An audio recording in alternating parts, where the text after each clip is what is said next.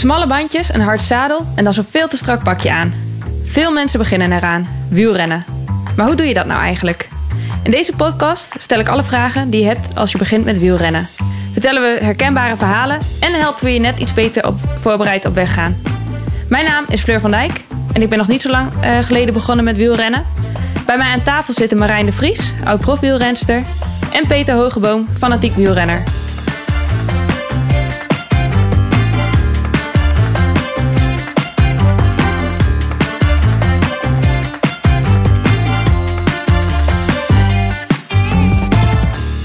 Weekend zat ik op de fiets en uh, ik fietste samen met een vriendin. Zij fietste naast mij. En uh, we fietsten langs de 60 weg, dus dat is eigenlijk een redelijk smalle weg. was ook geen apart fietspad. En we fietsten daar met z'n twee naast elkaar. Niet per se heel breed uit in mijn beleving. En we werden ingehaald door een uh, donkergrijze Volvo. En die man die begint te toeteren en te zwaaien en allerlei onaardige gebaren naar ons te maken. Um, alsof wij iets wat, ja, wat verkeerd deden. En eigenlijk waren wij onszelf van geen kwaad bewust wat we daar verkeerd deden. En nu hoor ik wel vaker verhalen om mij heen over uh, nou ja, andere weggebruikers die problemen hebben met wielrenners. En ik vraag me af, hoe kunnen we daar nou het beste mee omgaan? Tja, Om dat, toch allemaal wat soepeler te laten gelopen. Vraag. Ik weet ook wel dat ik hier een beetje een pijnlijk punt voor ja. uh, het imago van wielrenners aansnijd. Ja, en ik heb meteen ook allemaal vragen. Onaardige bewegingen en aan welke kant van de weg reed je eigenlijk? En dat soort vragen allemaal. nou, ik reed gewoon rechts van de weg. Okay. Zoals normale aan de verkeersregels uh, houdend uh, fietsten wij over de straat. Tenminste, in mijn beleving. Of ja, hoe ik het zag, die situatie. Maar dit zal, ja, het zal toch niet voor niet, niet zijn geweest. Dus ik zal mijn eigen gedrag ook wel enigszins onder de loep leggen. Ja, nou ja, goed. Marijn zegt al, er is ontzettend veel over te vertellen. En ik denk dat er aan, uh, aan, uh, aan dit verhaal vooral ook twee kanten zitten. Uh, wij als wielrenners hebben een reputatie. En nou ja, goed, we zijn met meer dan een miljoen. Dus dat is net als dat je in het verkeer over mensen die achter het stuur zitten wat zegt. Ja, er zijn zoveel deelnemers aan het verkeer.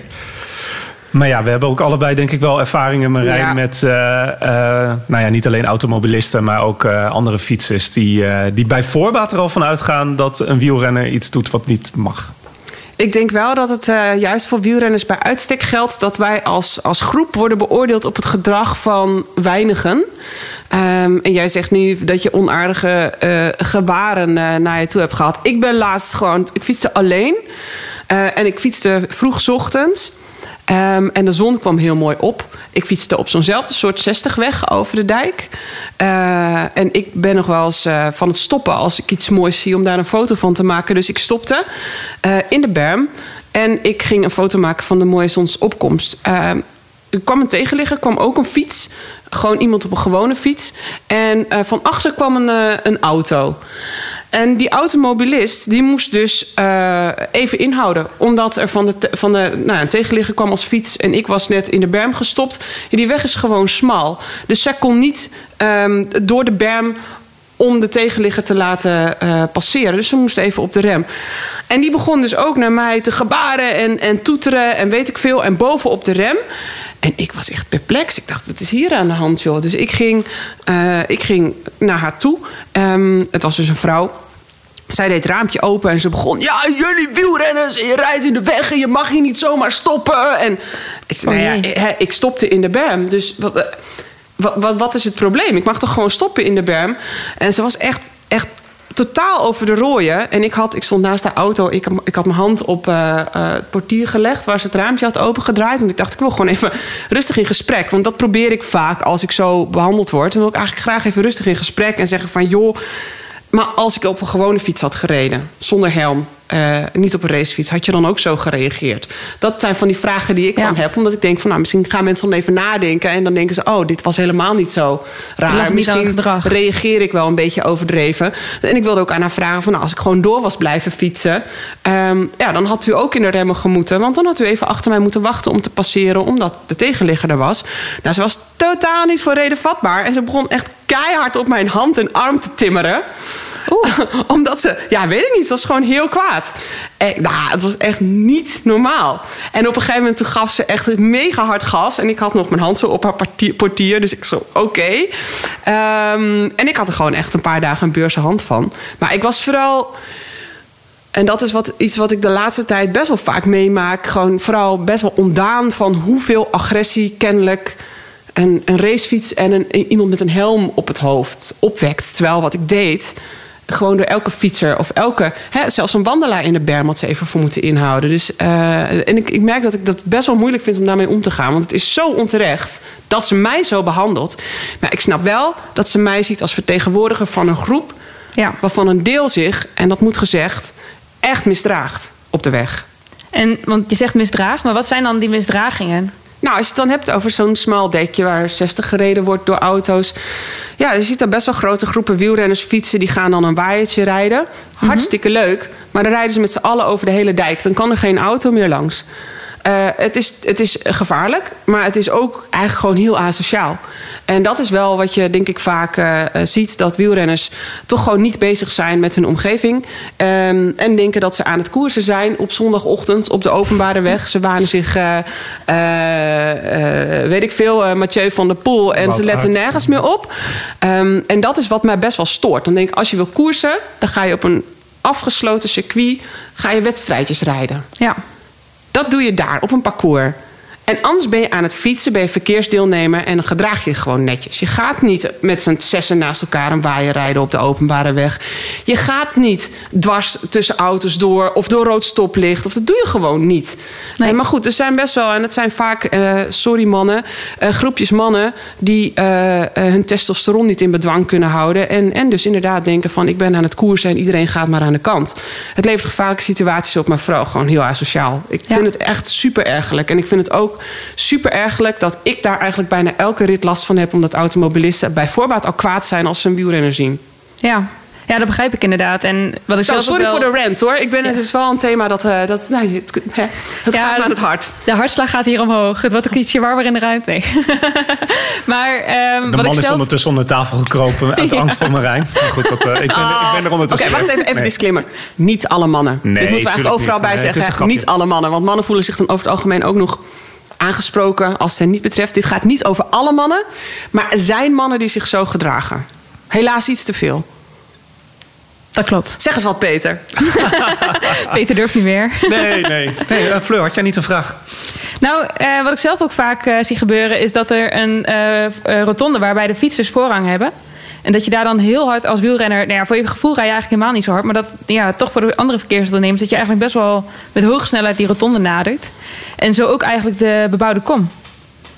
Dat je in lekker in het tempo zit, je hebt net een mooie route erop... je hebt de wind in de rug en daar is het bordje van, de, ja, van het dorp of stad waar je inrijdt. En, daar wordt nog eh, wel eens voor gesprint ook, ja, voor dat bordje? Klopt. Ja, bordje sprint is ook, uh, is ook een ding. Ja.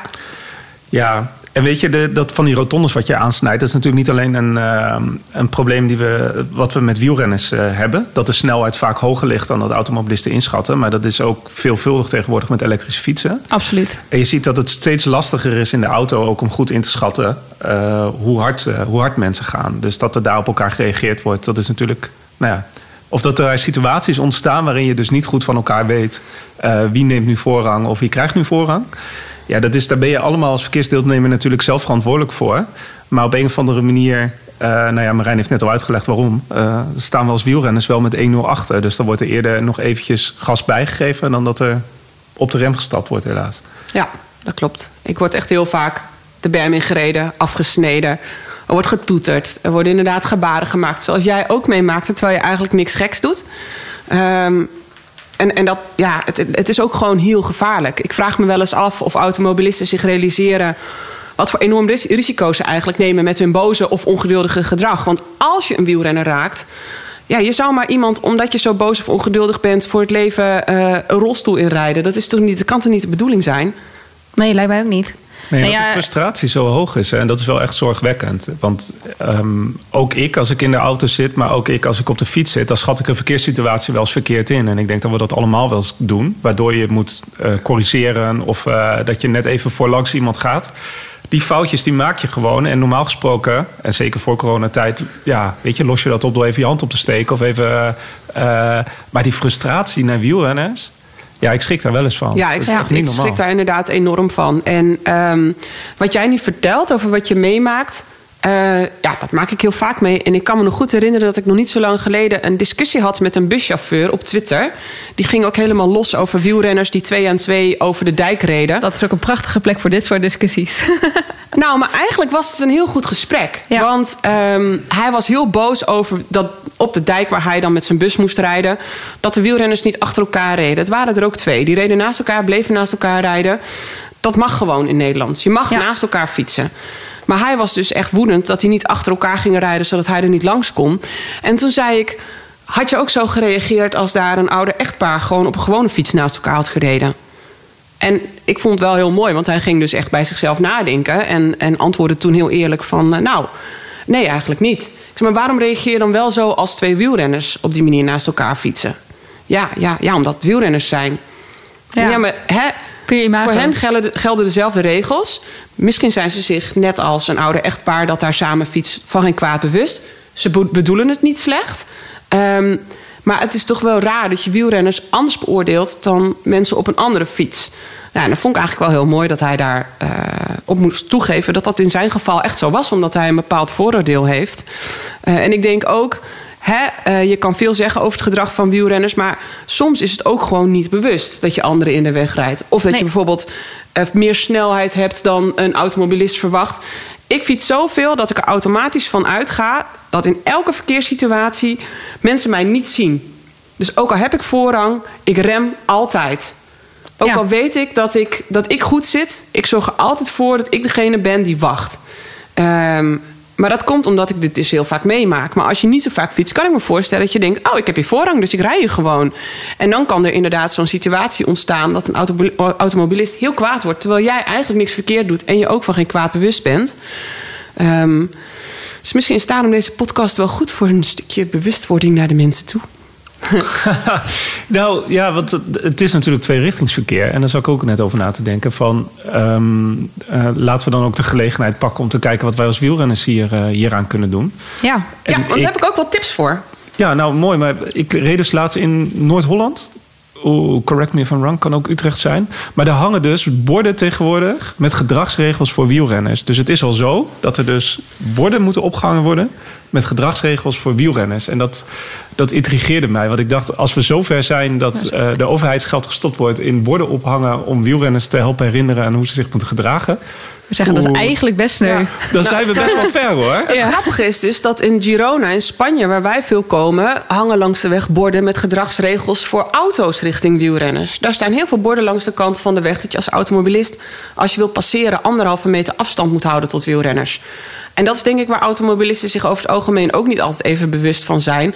Als je heel dicht passeert. eh A, je hebt het toch waar je van kunt schrikken als wielrenner. En B, het is gewoon echt heel gevaarlijk. Ja. Een anderhalve meter, nou we weten inmiddels hoeveel anderhalve meter is. Dat is gewoon een keurige afstand om te passeren. Dus ik vind die borden in Spanje eigenlijk best wel goed. Maar houdt iedereen in Spanje zich daar Ja, ook aan? Spanjaarden tenminste. Als je Ja. Nederlanders tegenkomt niet in de auto. Maar Spanjaarden houden zich daar allemaal aan. Ja. Ja, dat is inderdaad, dan kan ik me wel voorstellen dat het heel erg bijdraagt aan een veilig gevoel op de weg. Ja, Ja, en ook wat ik, ik heb dat toevallig afgelopen eh, herfst in eh, Spanje ook gefietst. En eh, je fietst wat meer op. In Nederland ben je veel gewend dat je ook op fietspaden hebt of dat je een strook hebt voor fietspaden, zeg maar. En dat hebben we in Spanje dan niet.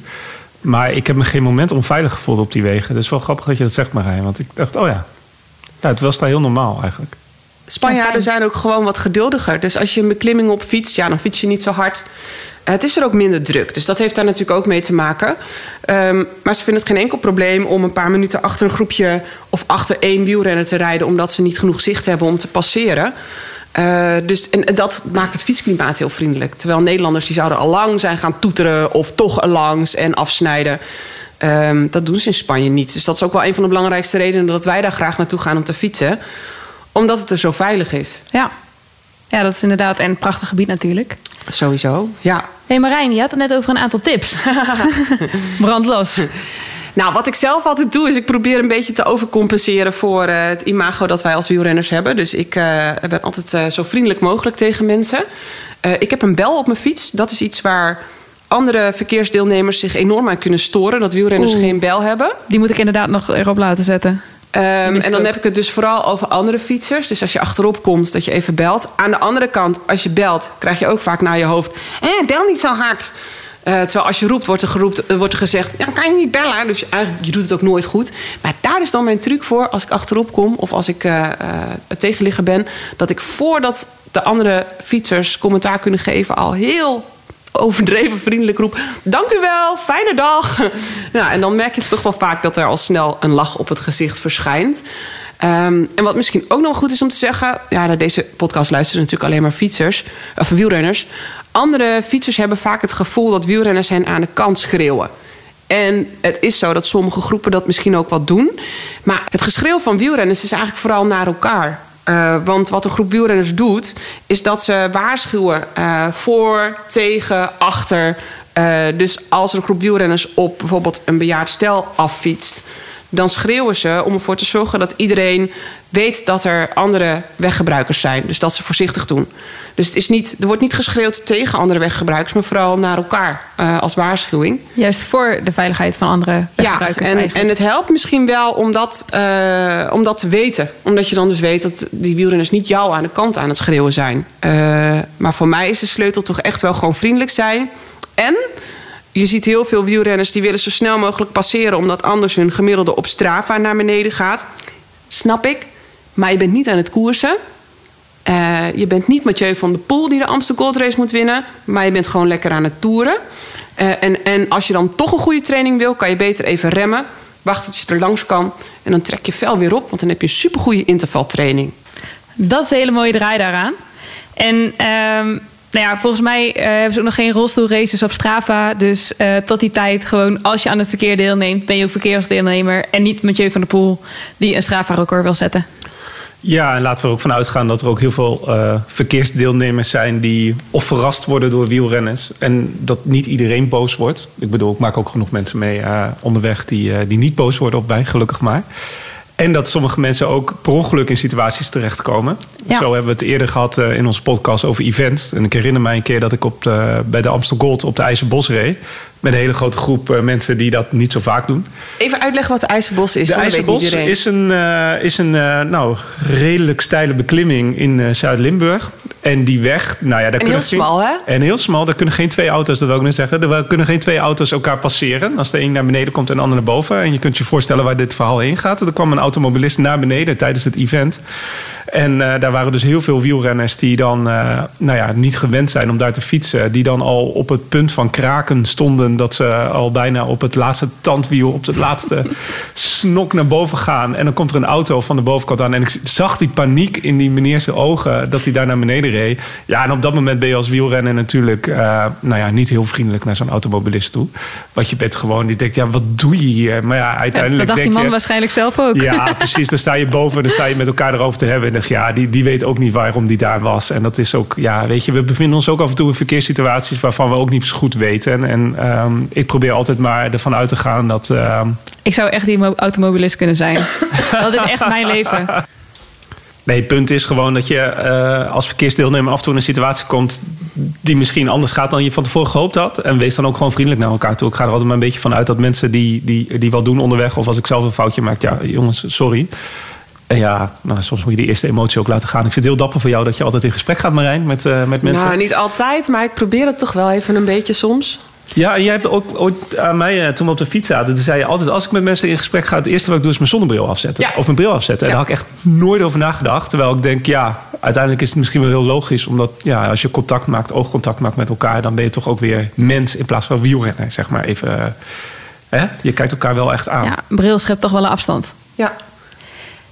Hey, en stel nou dat je dan toch een uh, gefrustreerde automobilist of een andere weg, uh, wegdeelnemer uh, tegenkomt. Wat, hoe kun je dan het beste opstellen? Ja, ja, ik probeer dus vaak even in gesprek te gaan. Uh, soms lukt dat, soms niet. Uh, ik draai er ook wel eens voor om. Omdat ik, omdat ik denk van nou, laat ik dan die ene wielrenner zijn die misschien uitlegt dat het allemaal niet zo bedoeld is. Uh, en, en de ene persoon is voor reden vatbaar en de andere niet. Ik vind het wel altijd heel mooi als je uiteindelijk dan toch er samen achter komt dat, uh, dat je misschien wel eens van elkaar kunt schrikken en dat het allemaal niet zo bedoeld is. Um, ik ben wel altijd de eerste die uh, mea culpa zegt. Dus uh, um, ik zal nooit met een bidon gooien, bijvoorbeeld. Ik hoor dat van, vaak wel van wielrenners. Of op een auto slaan omdat je boos bent. Oh, dat heb ik ook een keer gehad als automobilist. reed, ik stond stil met mijn auto. En dan rijdt de wielrenner achter mij langs. Die slaat keihard op de auto. Ja, dat is, wel een, eh, dat, dat is wel een gekende manier van wielrenners om hun frustratie te uiten. Ja, ik vind dat eigenlijk ook best wel asociaal. Ik stond al een kwartier stil. Ja, Dus ik weet niet... eh, ja, goed. Had je misschien daarvoor... eh, ja, ik, ja, nou ja. Ja, niet, ik weet, Laat niet bewust nee. tegengekomen. Maar ja, het- ik Nee. zal vast iets hebben gedaan. Nee, maar dat is net wat ik bedoel. Soms zit je in verkeerssituaties en neem je niet eens door die wielrennen. En dat is natuurlijk ook zo. Dat, dat, dat, je weet niet wat er gebeurt in de auto in iemand zijn hoofd. Maar zodra je dingen aan elkaar uitlegt... of je probeert met elkaar in gesprek te gaan, wat Marijn zegt... volgens mij eh, eh, gaat het dan al heel goed. Oké, dus even een kleine recap van wat we hebben besproken.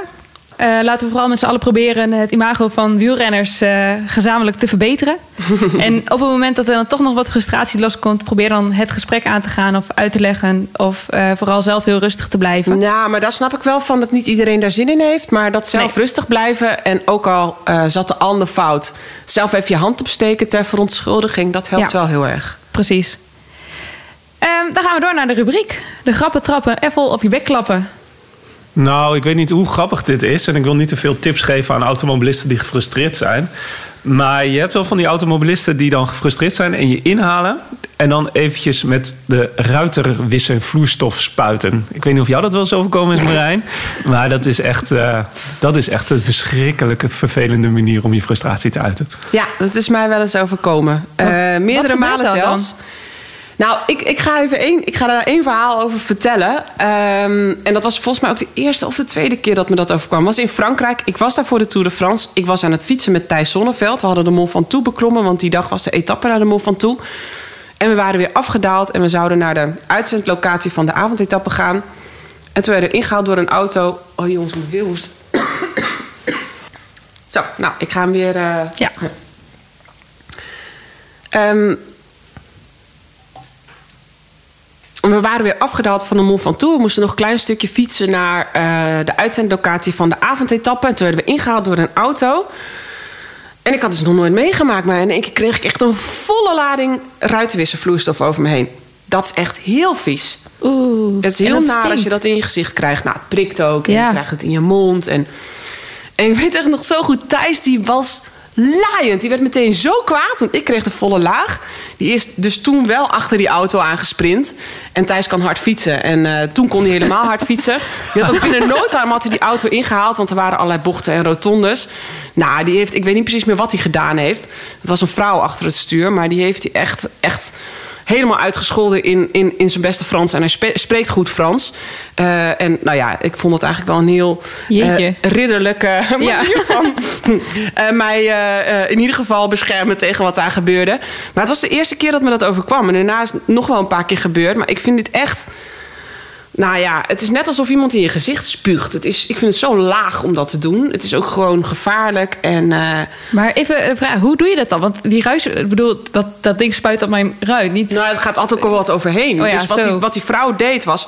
eh, wij fietsen volgens mij naast elkaar. We waren ook echt maar met z'n tweeën. Ze haalde in, ging op de rem... en ging toen spuiten. Dus ze Oh. reed vlak voor ons. Ja. Oh, Getsie. Ja, toeter maar als je gefrustreerd bent. Als Ja. je dan toch wil kiezen, toeter maar. Maar ik heb ook al wel gemerkt, als ik dit vertel... dat het ook nog weer automobilisten op ideeën brengt. Dus eh, dat hoop ik dan weer niet. Doe dit alsjeblieft niet. Nou ja, Je mag ik zei heel net, boos zijn. Ik vind, het, ik vind het gewoon echt heel laag. Dus als je deze laffe streek uit moet halen... dan ben je ook gewoon een laffe hond. Zo. Ja, nou, dit was eh, lachen, trappen en dan vol op je bek klappen. Wat was dit ook alweer? Grappen, trappen. Ja. Nou ja, daarvan akte, hè? Ja, precies. Ja. Waar gaan we het de volgende keer over hebben, Fleur? Oeh, dat was een verrassende vraag, Ja. hoor ik. Even met mijn bek vol tanden. Ga ik even nog... even in mijn geest duiken. Waar gaan we het de volgende keer over hebben? Ehm, de volgende keer gaan we het hebben over... ehm, als je minder ervaren bent zelf nog als wielrenner... wat doe je dan als je andere eh, wielrenners tegenkomt... en geef je dan wel tips, geen tips? Als je vrienden hebt die beginnen met fietsen... hoe stel je dan eigenlijk op en wat kan je wel en niet zeggen? Hele goeie. Dat vond ik zelf ook. Daar gaan we eens Ja. even over nadenken. Mooi. Nou, dan eh, gaan we deze afsluiten. Uh, mocht je zelf nog vragen hebben over uh, het beginnen met wielrennen... of ben je al wat verder gevorderd, maar heb je nog steeds vragen aan ons... Um, dan gaan we daar graag een uh, aflevering over maken. Stuur ons dan een berichtje via de socials. En uh, wellicht behandelen we jouw vraag uh, in de volgende aflevering. En heb je zelf een goede tip als automobilist om ons te frustreren? Laat het ons vooral weten. Nee, sorry. oh, Peter. Oei. nou, tot de volgende keer. Tot de volgende keer. Doei. Doei.